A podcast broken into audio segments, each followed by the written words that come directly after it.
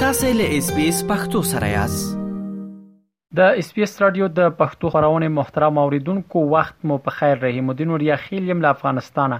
تاسو ته د افغانستان او سیمې د تیر یوې ونې مهمه پیښه وړاندې کوم هله دا چې تر پای مې ملتیا وکوي په افغانستان کې د ملګرو ملتونو سازمان مرستندوی ماموریت یا یوانامه تیرونی په دغه هیواد کې تر 2025 کال پورې د خپل فعالیت ستراتیژیک چوکاټ وړاندې کړ. د افغانستان لپاره د دغه سازمان په نوې ستراتیژۍ کې د ښځو او نجونو، قومي او مذهبي لښکیو او کورنیو بې ځایه شویو مسایلو ته لومړیتوب ورکړل شوی دی. د ملګرو ملتونو سازمان مرستندوی ماموریت یا یوناما په دې ستراتیژیک چوکاټ کې په دریو برخو کې مهم لومړیتوبونه په ګوته شوي ول چې په لومړي برخه کې یې په کلیدي سکتور کې لکه روغتیا، خوړو، زده کړو او کارموندنې په برخو کې د دوامداره خدماتو برابرول، په دویمه برخه کې د اقتصادي او کاري فرصتونو رامنځته کول، په ځانګړي ډول محرومو قشرونو لکه ښځو ته او په دریمه برخه کې له بشري حقونو د قانون له حاکمیت، جنسیتي برابرۍ او په افغانستان کې د دایمي پرمختګ او سولې او د افغانستان د حقوقي چوکاټونو د سمون په پار د مدني ټولنې ملاتړ او پیاوړي کول یاد شوي ول. دیونما مشرې روزا اوتنابایو وویل چې دا ستراتیژیک چوکاټ له افغانانو سره د مرستې کولو یو ښه وړاندیز دی،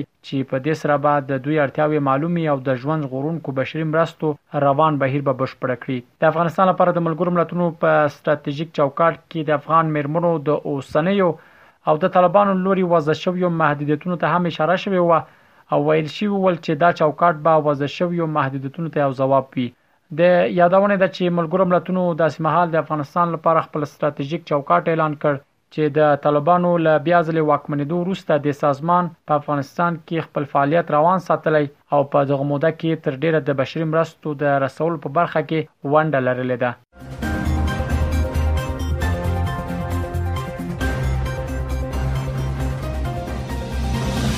د طالبانو حکومت مشرتابه تېره اونۍ په افغانستان کې د ښځو د سینګارخونو د بندېدو امر وکړ. په هغه مکتوب کې چې د طالبانو د امر بالمعروف او نهی عن المنکر وزارت لوري خپور شوی وو پکې ټولو خزینه سنگارتونونو ته یو میاشت وخت ورکړ شوی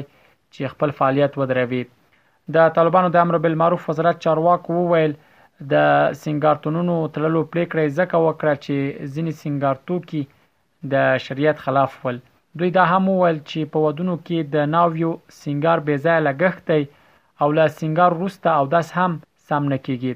یو شی چې د اندېښنې وړ دی هغه دا ده چې د طالبانو د مشرتابه د دغه فرمان د عملي کېدو په صورت کې به په افغانستان کې شاوخوا دوولس زره ښځینه سینګارتونونه وتړل شي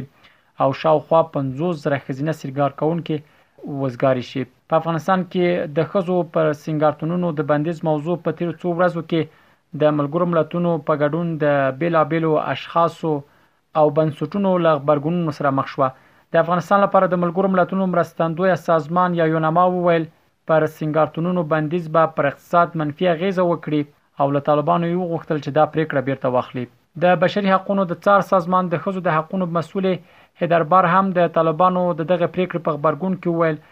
داسې احساس رامنځته شوی چې د طالبانو چارواکي ټوله ورځ په دې فکر کوي چې د ټولنې په نورو کومو برخو کې ښځې فعاله دي چې له هغو ځایونو یې هم منع کړي. د یادونې ده چې په افغانستان کې د طالبانو له واکمنۍ وروسته ښځې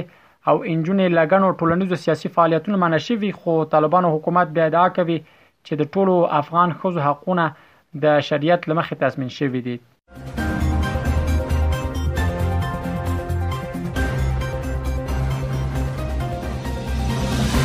د هند په کوربتوب تیر اونۍ د شانګهای سازمان غونډه کې افغانستان کې پر ټولګډونه حکومت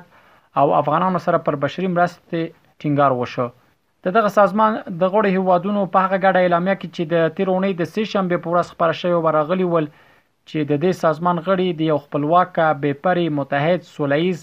له تروریزم او مخدره موادو پاک افغانستان ملاتړ کوي د دې ترڅنګ اعلامیه کې راغلي ول چې د شانګهای د همکارۍ سازمان غړي هیوادونه په افغانستان کې د ټولګډونه حکومت جوړېدل ضروري ګڼي چې د ټولنې ټول قشرونه پکې ونډه ولري د شانګهای د همکارۍ سازمان په ګډه اعلامیه کې دا هم راغلي ول چې په افغانستان کې بشري وضعیت ته په پام سره غړي هیوادونه له افغانانو سره خپل بشري مرستو ته دوام ورکوي د طالبانو حکومت بیا د شانګهای د همکارۍ سازمان د سرمشریزې د اعلامیې د ځینو برخو څخه د هرکلي ترڅنګ وویل چې په ورته ناستو کې د دوی استازي ته د ګډون زمینې مساعدول د دوی حق دی او نه شتون یې د هر اړخیزې همغږۍ پر وړاندې خنډ دی. طالبانو وویل د دې سازمان بله سرمشریزه چې په قزاقستان کې جوړیږي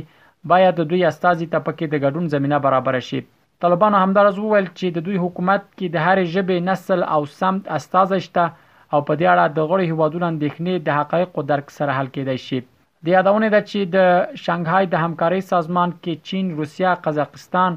تاجکستان، ازبکستان، پاکستان او هند دایمي غړي دي او ایران چې تر دې وړاندې د څارونکي په توګه و تازه د دې سازمان غړیتوب ترلاسه کړ.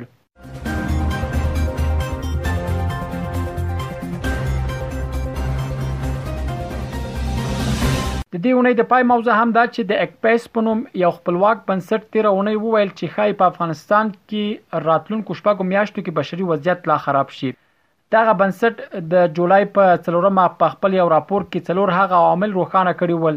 چې له امله یې په افغانستان کې بشري وضعیت خرابېدلی شي. دې بنسټ په خپل راپور کې په کلیوالو سیمو کې وچکالي، تودوخې او په لویه کچه د ملخانو د خپرېدو له امله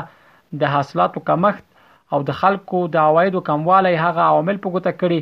چې له امله یې خلک بې ځایه کېږي او بشري اړتیاوې ډېرېږي.